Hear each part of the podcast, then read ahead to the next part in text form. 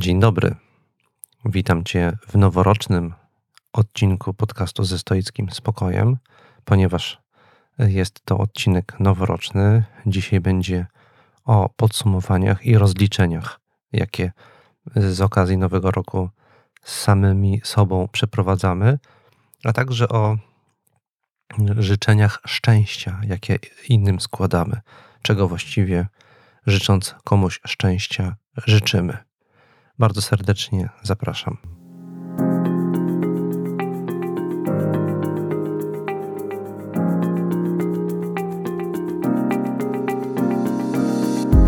Mamy ograniczony wpływ na to, gdzie i pośród jakich ludzi żyjemy.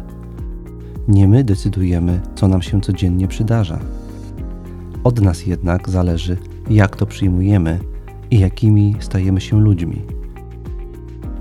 Nazywam się Tomasz Mazur, jestem współczesnym praktykującym stoikiem i zapraszam do wysłuchania mojego podcastu ze stoickim spokojem.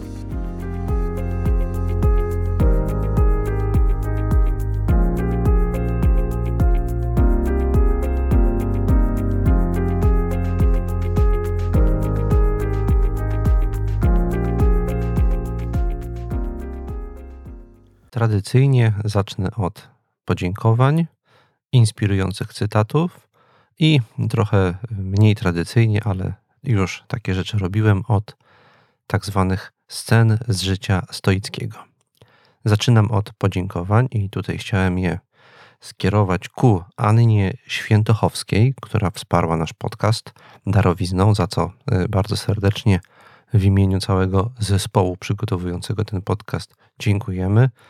Mm, jest to dla nas bardzo ważny wyraz uznania dla naszej pracy nad tym podcastem y, i tym bardziej y, zabieramy się ochoczo do nagrywania y, kolejnych odcinków. Ochoczo, ale oczywiście po stoicku. Więc Anno Świętochowska, bardzo, bardzo serdecznie dziękujemy. Teraz, to, teraz cytaty. Mam dwa cytaty. Jeden stoicki, drugi niestoicki. Zacznę od tego stoickiego. Ten stoicki cytat jest autorstwa Seneki, ponieważ y, ten odcinek y, podcastu ze stoickim spokojem ma charakter noworoczny, więc ja sięgam do początku. W tym przypadku do początku listów moralnych do Lucyliusza. W pierwszym, bardzo krótkim, otwierającym liście Seneca radzi Lucyliuszowi, zaczyna od tego jako od rzeczy najważniejszej dla stoika, jak radzić sobie ze swoim czasem, jak postępować ze swoim czasem, który nam codziennie umyka. I w tymże liście czytamy, cytuję: Postępuj tedy, mój Lucyliuszu, tak jak, jak piszesz, że postępujesz. Zbieraj wszystkie godziny. W ten sposób osiągniesz iż jeśli położysz rękę na dniu dzisiejszym, mniej będziesz zależał od jutrzejszego. Podczas gdy my odkładamy życie na później, ono uchodzi. Wszystko, Lucyriuszu, jest nie nasze, tylko czas stanowi naszą własność. Tę jedną tylko pierzchliwą i ulotną rzecz dała nam natura w posiadanie, z którego może wyzuć nas każdy, kto chce. A tak wielki jest nierozsądek śmiertelników, iż otrzymawszy coś całkiem drobnego i błahego, a w każdym razie dającego się odpłacić, uważają, że coś się od nich należy. Nikt zaś, kto zabrał nam czas, nie poczuwa się do żadnego długu, gdy tymczasem jest to jedyna rzecz, którą nie może odwzajemnić się nawet ktoś wdzięczny. Koniec cytatu. Cytat ten wybrałem oczywiście nieprzypadkowo, ze względu na charakter dzisiejszego odcinka, gdyż nowy rok to okazja, jak już tutaj wspominałem, do rozliczeń. Sięgamy wzrokiem wstecz, patrzymy, jak wyglądał nasz miniony rok, chcemy się jakoś z nim rozliczyć. Rok to jest okres czasu. Okres czasu, w którym coś się wydarzyło, w którym planowaliśmy sobie coś osiągnąć i coś nam się udało osiągnąć, czegoś nam się nie udało osiągnąć. I zazwyczaj na, na tym polegają nasze rozliczenia. Rzadko stawiamy sobie pytanie, takie jakie chciałby w tym kontekście postawić Seneca. Mianowicie, ile z tego roku czasu w istocie należało do nas, a ile oddaliśmy. To jest jedyny rachunek, który jest ważny w tym kontekście dla Seneki. Ile poświęciliśmy tego czasu naprawdę na to, co jest dla nas ważne, a ile rozda rozdaliśmy albo roztwoniliśmy. Wydaje mi się, że możemy opisać współczesną cywilizację jako wojnę o naszą uwagę, a ściślej rzecz biorąc, wojny o nasz czas. Wstajemy rano i oddajemy się y, kolejnym wyzwaniom, nieustannie rozpraszani przez y, różne atrakcje, które wokół nas wybrzmiewają w barwnym korowodzie dźwięków i obrazów, przyciągając naszą uwagę, y, każących nam poświęcić czas na coś, na co pierwotnie czasu poświęcić nie planowaliśmy. I to się nazywa właśnie kradzież czasu. Niedawno oglądałem na TVN24 dokument y, z cyklu Ewa Ewart poleca. Y, ten dokument nosił właśnie tytuł Złodzieje czasu i tam ta teza pada, że mianowicie współczesność to jest wojna o, o naszą uwagę, wojna o nasz czas I, i my nawet nie jesteśmy świadomi, jak wiele tego czasu na co dzień, na, y, jak wiele z tego czasu na co dzień tracimy, jak wiele jest nam w sposób bardzo sprytny kradzione. E, więc jeżeli już tutaj wstępnie mógłbym i miałbym czegoś Tobie, słuchaczu, słuchaczko, życzyć, to właśnie tego, żebyśmy z większą uważnością podchodzili do naszego codziennego gospodarowania czasem. Przy czym, kiedy używam słowa gospodarowanie, mam na myśli coś innego niż mm, to, co kryje się pod modnym dzisiaj pojęciem zarządzania czasem. Mam na myśli przede wszystkim tą podstawową umiejętność przeprowadzenia rozróżnienia na czas, który poświęcamy na to, co jest dla nas ważne, i czas, który poświęcamy na całą resztę rzeczy, mniej istotnych, mniej lub bardziej niezbędnych danego dnia do wykonania. Tymczasem pod pojęciem zarządzania czasem kryje się po prostu efektywność w realizacji celów. Natomiast czy te cele są nasze, czy nie nasze, tego na szkoleniach poświęconych efektywnym zarządzaniem czasu nie dowiemy się, a na tym skupiają się stoicy. Tyle, jeżeli chodzi o pierwszy cytat i komentarz do niego. Teraz przechodzę do cytatu drugiego. Pochodzi on e, od innego autora, autora niestoickiego, z zasady. Jest nim Umberto Eco. Czas y, świąteczny i poświąteczny. Y, ten czas, który miałem dla siebie, mm, poświęciłem między innymi na odświeżenie sobie różnych lektur y, i także zajrzałem do imienia Róży Umberto Eco i tam na stronie 192 mojego wydania bohater zwierza się swojemu podopiecznemu, główny bohater zwierza się swojemu podopiecznemu, mówiąc między innymi: Jak mogę odkryć powszechną więź, która porządkuje rzeczy, skoro nie mogę poruszyć palcem, nie tworząc nieskończonej ilości nowych bytów? Albowiem przy tym ruchu zmieniają się wszystkie relacje położenia między moim palcem a wszelkimi innymi rzeczami. Relacja to sposób, przez który mój umysł postrzega związek między poszczególnymi bytami.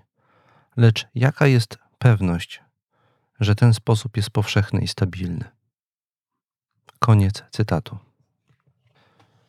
W tym cytacie Wilhelm, główny bohater książki, opowiada o tym, co znamy pod pojęciem niepewności poznawczej.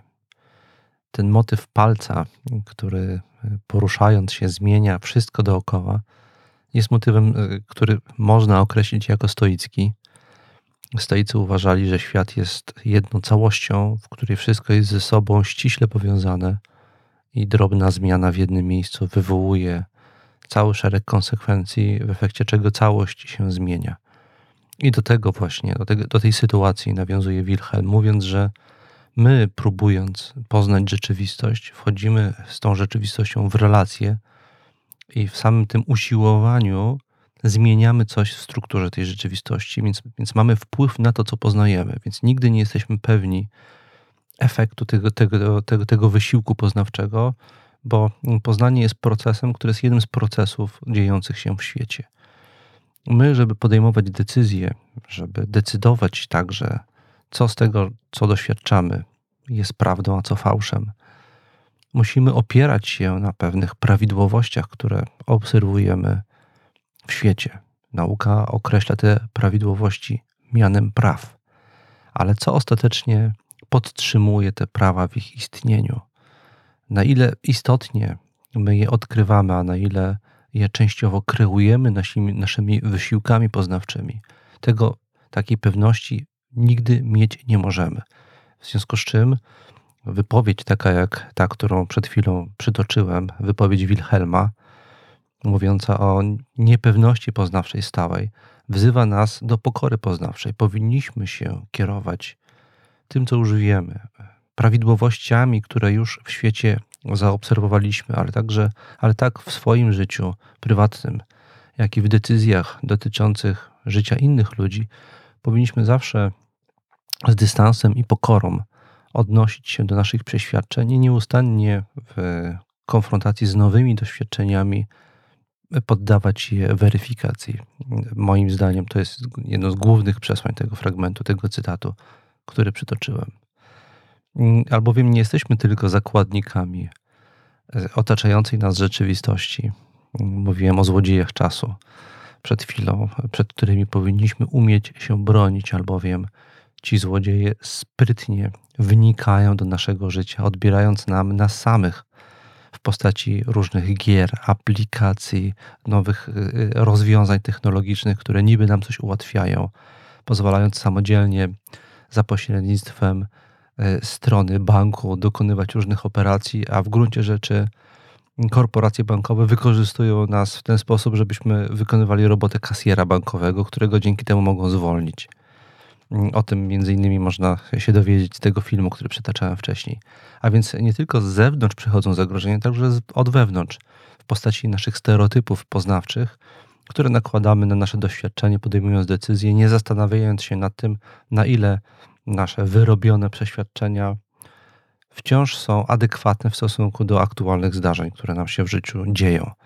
Więc moje drugie życzenie, które mógłbym w tym miejscu już sformułować, to żeby także być czujnym w stosunku do naszych własnych przeświadczeń i stereotypów, którymi się na co dzień kierujemy. Potrzebujemy ich, ale potrzebujemy także je co jakiś czas odświeżać i przewietrzać.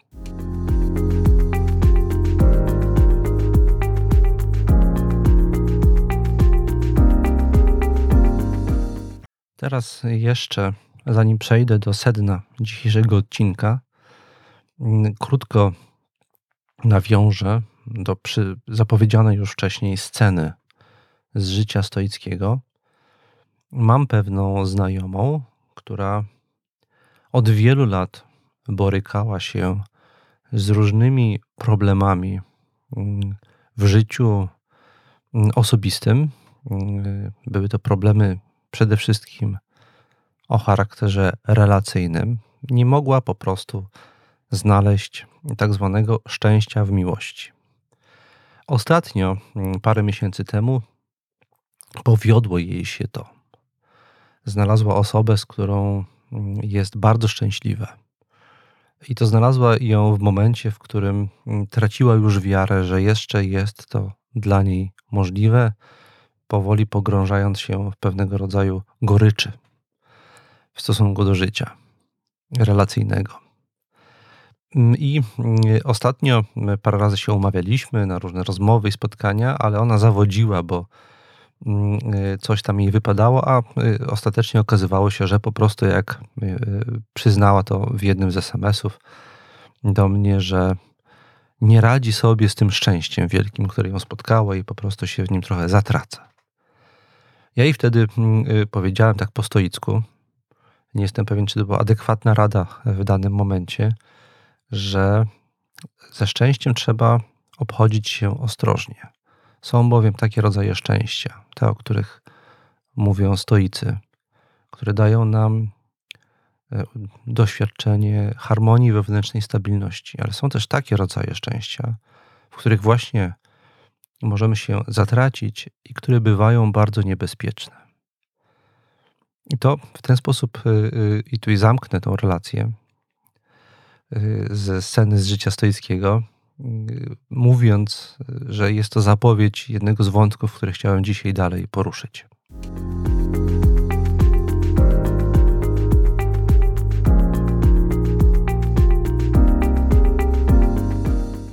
Teraz przechodzę już do głównego tematu dzisiejszego odcinka.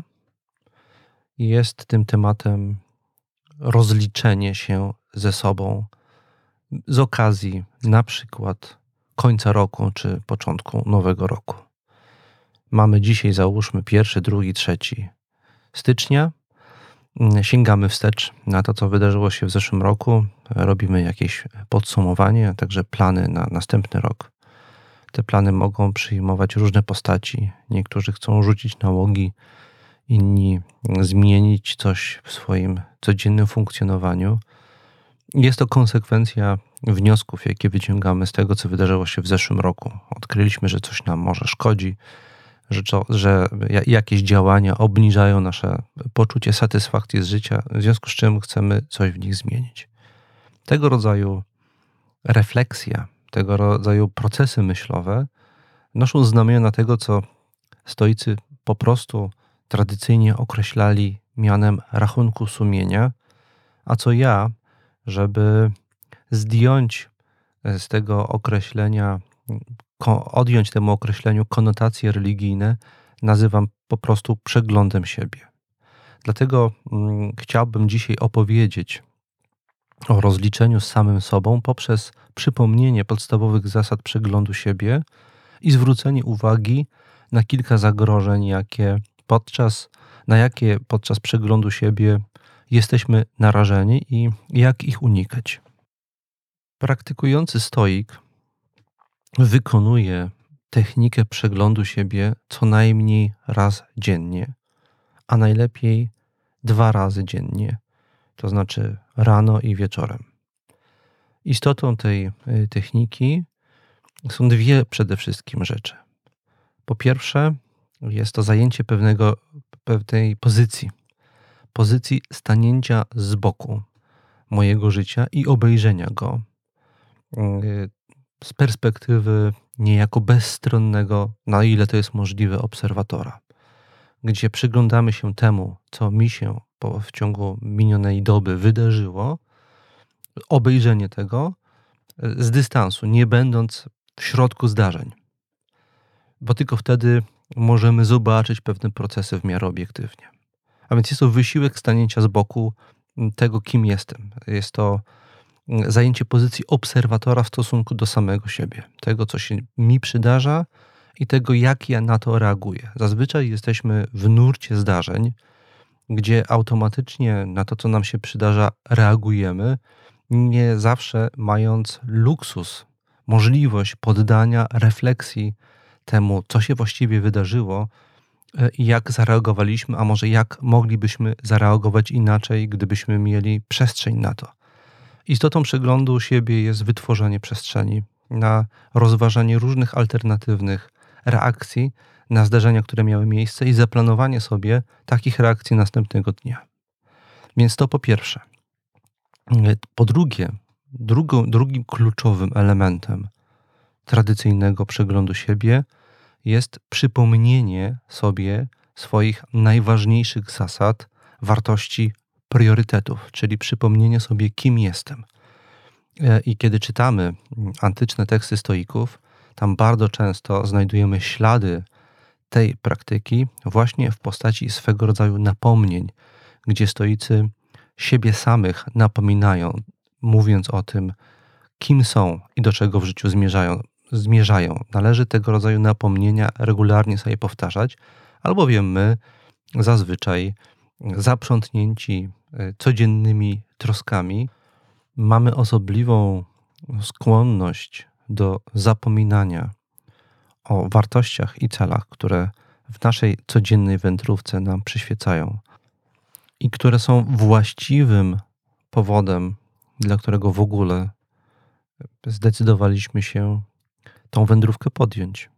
W trakcie tej wędrówki dzieją się rzeczy, które nas wybijają z rytmu i za sprawą których zapominamy, kim jesteśmy i do czego właściwie zmierzamy. I przegląd siebie służy temu, żebyśmy sobie to przypominali, żebyśmy się zaczynając dzień dobrze osadzili w sobie samych. I taki przegląd y, siebie ma y, zazwyczaj bardzo prostą strukturę. Oczywiście każdy może sobie ją modelować wedle własnych potrzeb, dopasowywać do tej y, indywidualnej struktury osobowej, jak każdy ma inną, ale zazwyczaj powinniśmy zacząć od wyciszenia się. Żeby stanąć z boku, trzeba faktycznie stanąć z boku nie możemy robić w związku z tym przeglądu siebie, będąc jednocześnie zaprzątniętymi czymś innym. Trzeba umieć się wyciszyć, schować w sobie, popatrzeć na siebie samego z boku i dopiero znalazłszy się w tej pozycji, zacząć poddawać swoje doświadczenie refleksji. Różne techniki takiemu stanięciu z boku mogą pomóc, dobre jest mm, siedzenie w ciszy przez jakiś czas, policzenie oddechów, e, wyobrażanie sobie, że patrzymy na wszystko z boku. Takim wyobrażeniem, y, takie wyobrażenie może przyjąć postać ćwiczenia o nazwie perspektywa kosmiczna, gdzie na początku przeglądu siebie staramy się spojrzeć na siebie, na swoje życie, na swój dom, miejsce, w którym się znajdujemy, z stopniowo zwiększającej się e, perspektywy przestrzennej. 100 mm, metrów się oddalamy, 1000 metrów, e, także widzimy siebie już jako, jako w efekcie ostatecznie jako taki mały punkcik. I z tego e, oddalenia patrzymy na siebie, rozważamy swoje życie w ciszy i spokoju. Można mm, wspomóc się jakąś muzyką relaksacyjną. Można także wspomóc się mm, techniką wdzięczności. To znaczy zacząć na przykład od tego, za co powinniśmy być wdzięczni, a zazwyczaj nie jesteśmy, bo zapominamy po prostu. My stawiamy sobie na co dzień różne cele e, i skupiamy się na konkretnych, bardzo doraźnych zadaniach zmierzających do tych bardziej dalekosiężnych celów. Kiedy coś staje nam na drodze, frustrujemy się i wtedy bardzo łatwo jest zapomnieć o tym, co mamy i za co warto być wdzięcznymi. E, warto być wdzięcznym w ogóle za dar życia. Na przykład, i stoicy bardzo często w swoich różnych technikach tego rodzaju wdzięczność wyrażają. Przypominam pierwszą księgę rozmyśleń Marka Aureliusza w tym kontekście, która jest jedną długą, dziękczynną medytacją w swojej istocie. Marek Aureliusz w tej księdze po prostu nieustannie wyraża wdzięczność. Tak jakby bez pozycji wdzięczności, bez zajęcia w stosunku do swojego życia pozycji wdzięczności, jakakolwiek dalsza stoicka praktyka nie byłaby możliwa. A więc możemy, już oddaliwszy się od tych naszych codziennych trosk, spojrzawszy na nie z boku, spróbować następnie podziękować za wszystko, co mamy. Za to, że siedzę teraz, na przykład nagrywając ten podcast, w ciepłym pomieszczeniu, gdzie czuję się bezpiecznie, między innymi także dlatego, że żyję w kraju, w którym od bardzo wielu lat nie było żadnej wojny, e, że następnie mam zdrowe relacje z bliskimi, na których mi zależy i których na mnie zależy, że mam zdrowe dzieci, że ja jestem zdrowy, że swobodnie oddycham, że procesy myślowe moje podczas tego nagrania nie ulegają żadnemu zaburzeniu, że mogę swobodnie formułować i wyrażać swoje myśli, że po prostu, e, tak jak już powiedziałem wcześniej i powtarzam, że mogę oddychać, że żyję, że jestem żywą istotą, która może korzystać z olbrzymiego dobrodziejstwa, jakim w ogóle jest życie, które pojawiło się kiedyś na Ziemi i dzięki którego to pojawieniu się ja dzisiaj mogę być istotą żywą i cieszyć się z tego faktu, o czym zazwyczaj zapominamy. I to jest ta, ta, to, to podziękowanie, które może wspomóc nam y, to, tą praktykę stanięcia z boku i przyjrzenia się swojemu życiu. Następnie, y, jeżeli już udaje nam się stanąć z boku, z istotą y, dobrej konstrukcji, przeglądu siebie, jest zadanie sobie kilku kluczowych pytań. Kim jestem? To znaczy, jak ja rozumiem siebie jako mnie, co mnie konstytuuje, co jest w moim życiu dla mnie ważne. Na ile to, jaki ja jestem i co jest dla mnie ważne, udało mi się w okresie, który poddaję podczas tej praktyki refleksji, zrealizować. Czego mi się nie udało zrealizować? Dlaczego mi się to nie udało? Co mógłbym zmienić w moim funkcjonowaniu, w moim sposobie planowania dnia, w moim nastawieniu, żeby mi się to bardziej udawało? To są podstawowe elementy mm, przeglądu siebie. Miałem także powiedzieć o zagrożeniach, jakie mogą nam e, w tej praktyce towarzyszyć. Po pierwsze, takim zagrożeniem jest, żebyśmy za bardzo siebie nie katowali. Mm, ja często właśnie w tym okresie, kiedy składamy sobie różne życzenia noworoczne albo kiedy planujemy sobie różne zadania na następny rok, często słyszę od ludzi mm, pewnego rodzaju rozgoryczenie, że oni na przykład nie chcą sobie niczego zakładać, bo zazwyczaj im się nie udaje zrealizować tych planów. W związku z tym już tak żyją po prostu z dnia na dzień, nie składając sobie żadnych noworocznych y, obietnic, nie formując żadnych noworocznych postanowień.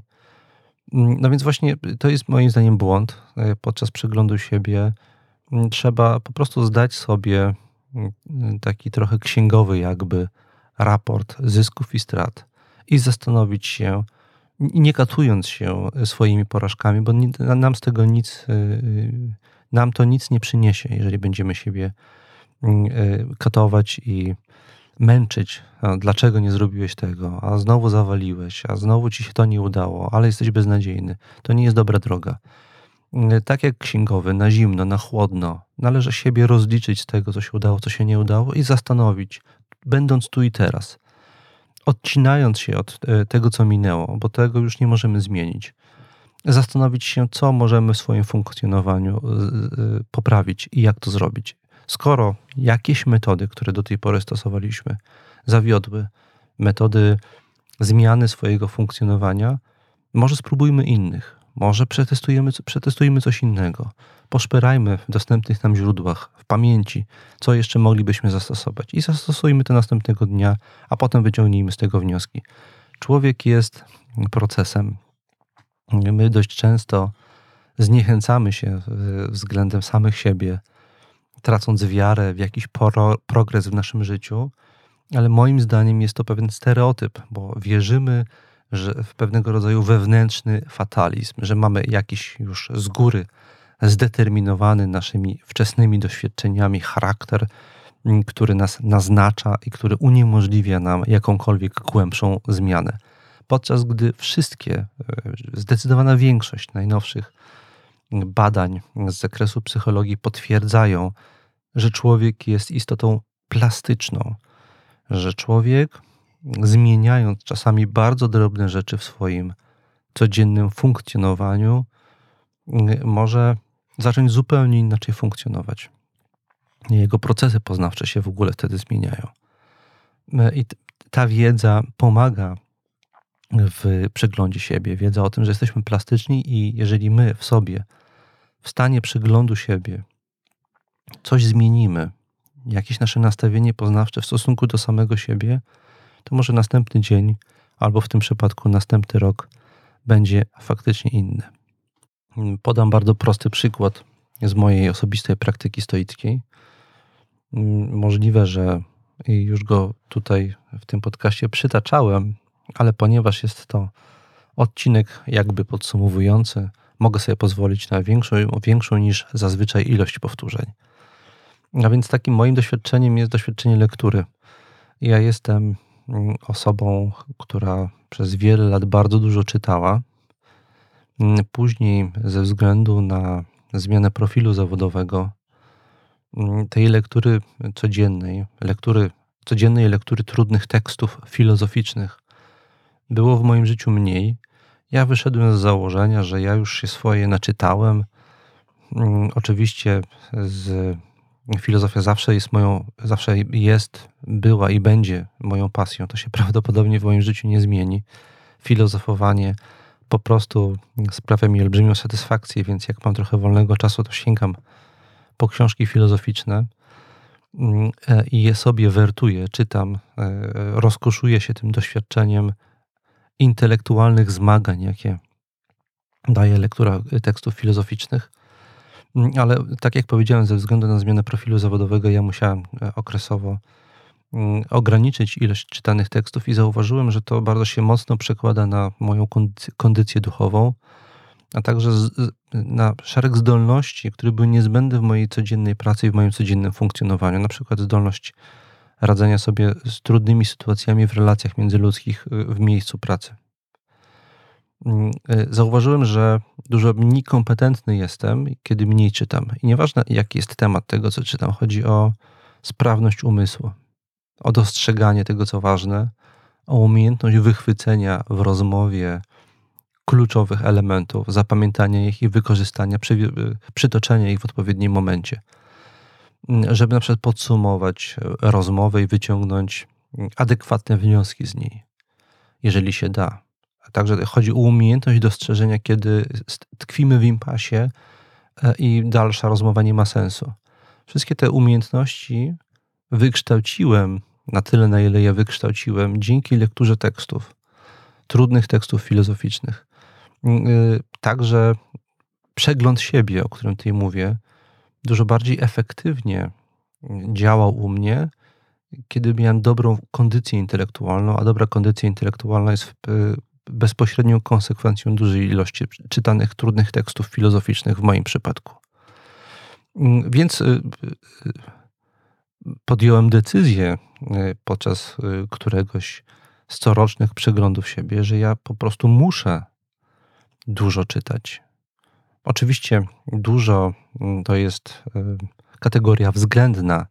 Nie jestem w stanie czytać tak dużo tekstów, jak czytałem, kiedy zawodowo E, poświęcałem się wyłącznie filozofii, tam miałem taki okres w życiu, e, tego czasu po prostu mamy mniej na czytanie, ale ja jestem zmuszony przez wzgląd na moją kondycję duchową czytać teksty.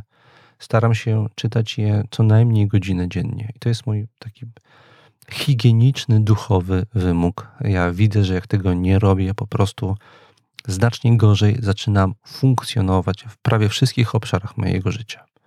Czytanie jest dla mnie jednym z podstawowych sposobów bycia sobą.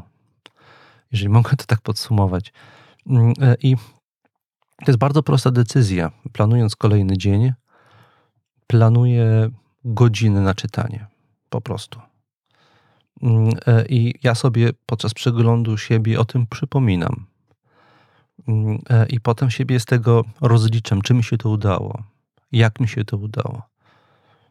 Ta prosta decyzja sprawiła, że zacząłem inaczej funkcjonować w obszarach, w których myślałem, że po prostu już będę źle funkcjonował ze względów różnych, na przykład ze względu na wiek. Y, miałem takie podejrzenie, że nie jestem już tak sprawny intelektualnie, bo w tym wieku człowiek już nie jest tak sprawny intelektualnie, trzeba się z tym pogodzić. Okazuje się, że wcale tak nie jest że sprawność intelektualna,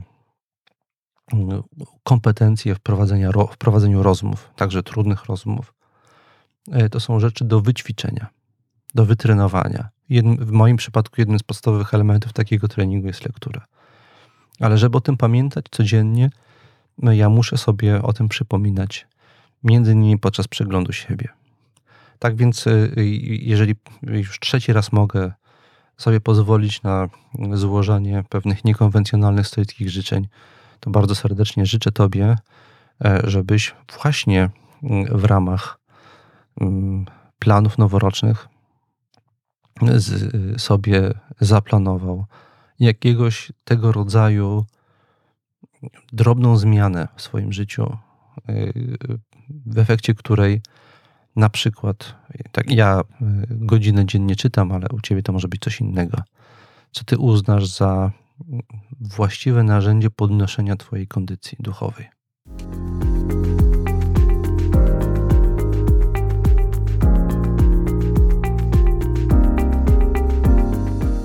Jest jeszcze jedno zagrożenie praktyki przeglądu siebie i takiego podsumowania całorocznego także. Zagrożenie, o którym warto wspomnieć. Perspektywa, z jakiej my takie podsumowanie przeprowadzamy. Żeby wyjaśnić, co mam na myśli, nawiążę do pewnej współczesnej teorii psychologicznej, nowej, liczącej sobie jakieś 20-30 lat, ale y, otoczonej już dużą ilością y, tekstu i różnych perspektyw, także y, nazywającą się już w tej chwili w różnych współczesnych tekstach tradycją psychologiczną. Jest to tradycja określana mianem dialogicznej teorii po angielsku Dialogical Self Theory, Mm, jej twórcą jest y, przede wszystkim Herbert y, Hermans. Na język polski bardzo niewiele tekstów mm, z tej tradycji zostało do tej pory przełożonych. Ja zacząłem się nią bliżej zajmować, dlatego że pewna zaprzyjaźniona grupa stoików poprosiła mnie niedawno o poprowadzenie z nimi spotkania. Mm, tą grupą jest grupa z, z organizująca się pod szyldem stoickiego klubu polemicznego. Mm, oni zorganizowali spotkanie yy, mm, poświęcone między innymi właśnie głosom wewnętrznym. Yy, każdy z nas ma takie doświadczenie różnych głosów wewnętrznych, które się w nas odzywają. Yy, także praktyka stoicka to jest praktyka instalowania w sobie pewnego stoickiego głosu. Przecież kiedy ja mówię o przeglądzie siebie, to mówię o tym, żeby w sobie zainstalować głos stoika, który przypomina nam o ważnych rzeczach i w różnych sytuacjach życiowych, kiedy jesteśmy w pracy i ktoś nas na przykład wyprowadza z równowagi, to taki głos wewnętrzny dzięki przeglądowi sumienia, przeglądowi siebie, przepraszam, się we, we mnie pojawia i mówi mi: pamiętaj o zasadach. Pamiętaj, że jeżeli tracisz panowanie nad sobą, to tak, że tracisz kontakt z tym, co dla ciebie jest ważne, i dużo łatwiej jest popełnić błąd i podjąć decyzję, której będziesz potem żałować. Pamiętaj o tym. I, i ten głos wewnętrzny właśnie wtedy się aktywizuje. A więc mm, my mamy dużo różnych takich głosów wewnętrznych. Niektóre pochodzą z dzieciństwa, mają e, postać głosów naszych rodziców, inne pochodzą z późniejszego okresu życia, gdzie mamy tak zwanych e, e, Mm, istotnych, bliskich, ważnych, ważne osoby w naszym życiu, które mm, przyjmują postać takich głosów wewnętrznych. My po prostu internalizujemy różne y, ważne postaci w naszym życiu i one z nami są. Czy to są przyjaciele, czy jakieś autorytety, mm, tak w, życiu prywatnym, jak i zawodowym one, one się nam w nas uwewnętrznieją. Teoria dialogicznego ja mm, zakłada, że człowiek nie jest jednorodną istotą y, posiadającą, posiadającą jakieś centralne ego, tylko składa się z wielości takich głosów, które w różnych życiowych sytuacjach zajmują mm, pierwszoplanowe y, miejsce, pierwszoplanową rolę i y, i z punktu widzenia jakiegoś takiego lokalnego centrum podejmują ważne dla naszego życia decyzje, czy zajmują po prostu głos.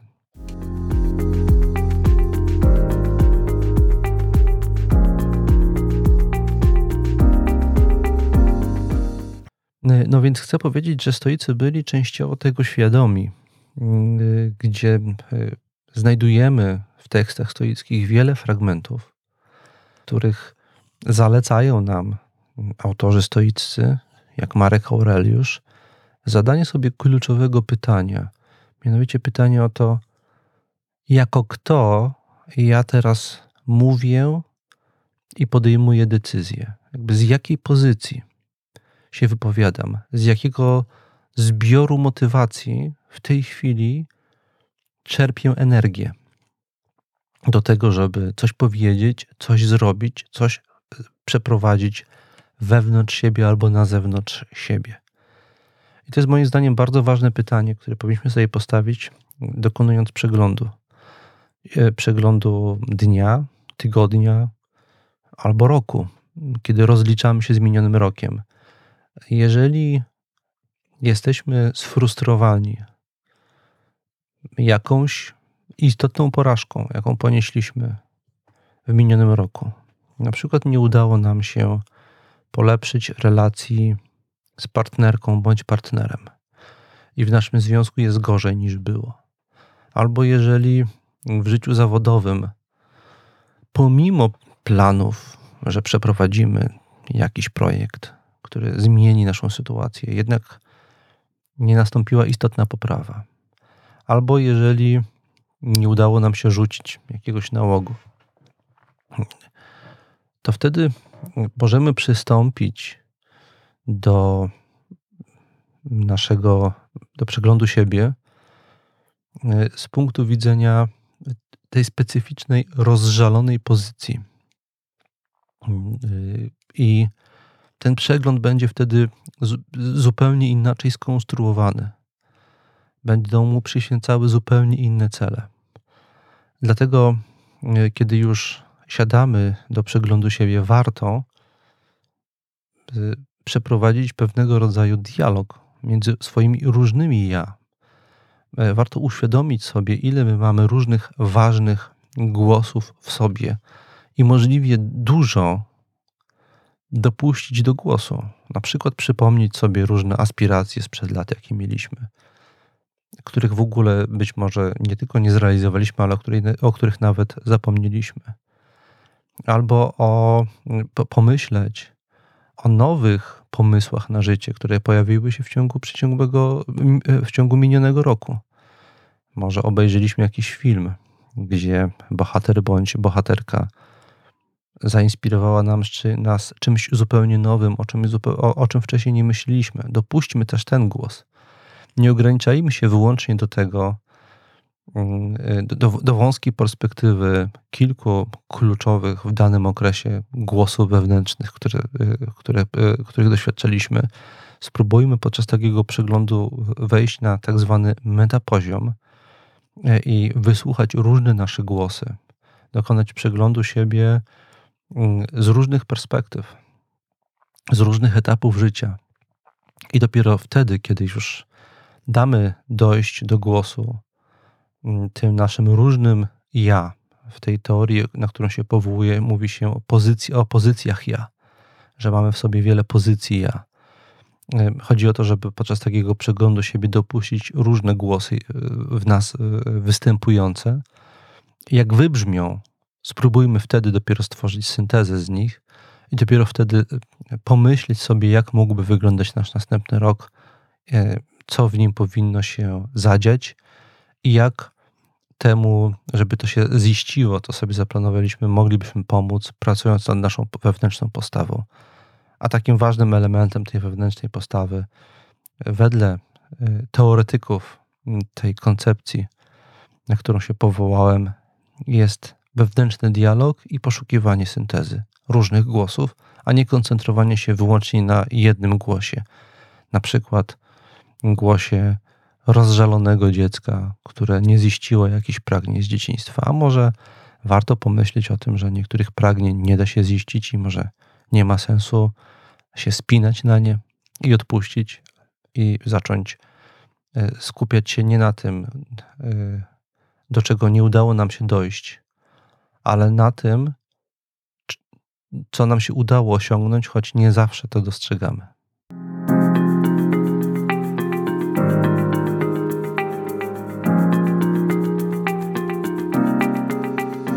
Cześć, mam na imię Michał. Jestem współtwórcą Stoicway oraz podcastu ze stoickim spokojem. Jeżeli spodobał Ci się nasz podcast, daj nam o tym znać i wyślij go swoim znajomym. Będziemy wdzięczni, jeżeli ocenisz go na Apple Podcast lub Spotify i zostawisz nam swój komentarz. Na dłuższe wypowiedzi, pytania, opinie i komentarze czekamy zawsze pod adresem podcastmałpastoicway.net oraz na Facebooku i Instagramie. I jeszcze jedno. Stoic Way to nie tylko ten podcast. Na naszej stronie stoicway.net znajdziesz o wiele więcej, w tym nasze autorskie blogi. Organizujemy także warsztaty stacjonarne oraz unikatowy 6-miesięczny stoicki kurs online. Zapraszam Cię do wspólnej stoickiej podróży. Do usłyszenia! Na koniec i już tak trochę podsumowująco chciałem powiedzieć o tym szczęściu, powołując się na początku na sytuację, na scenę z życia stoickiego, mm, przytoczyłem kontrowersyjną radę czy komentarz, jaki sformułowałem pod, pod adresem uczucia szczęśliwości towarzyszącego mojej znajomej. Mm, chciałem tutaj powiedzieć właśnie o tym szczęściu. My na co dzień y, przy okazji składania życzeń noworocznych w szczególności życzymy innym szczęścia, życzymy tego szczęścia także sobie e, i kiedy te osoby osiągają ten stan, ten stan szczęśliwości, uważamy zazwyczaj, że jest to mm, stan pożądany i właściwie cel sam w sobie, z którym nie należy robić już nic innego, tylko się byciem w tym stanie cieszyć. Tymczasem, tak jak tu zasugerowałem wcześniej, stoicy przestrzegają nas przed tym, że szczęście potrafi być bardzo niebezpieczne. Przede wszystkim uzmysłowmy sobie to, że pod tym pojęciem, pod pojęciem szczęścia kryje się bardzo wiele bardzo różnych stanów.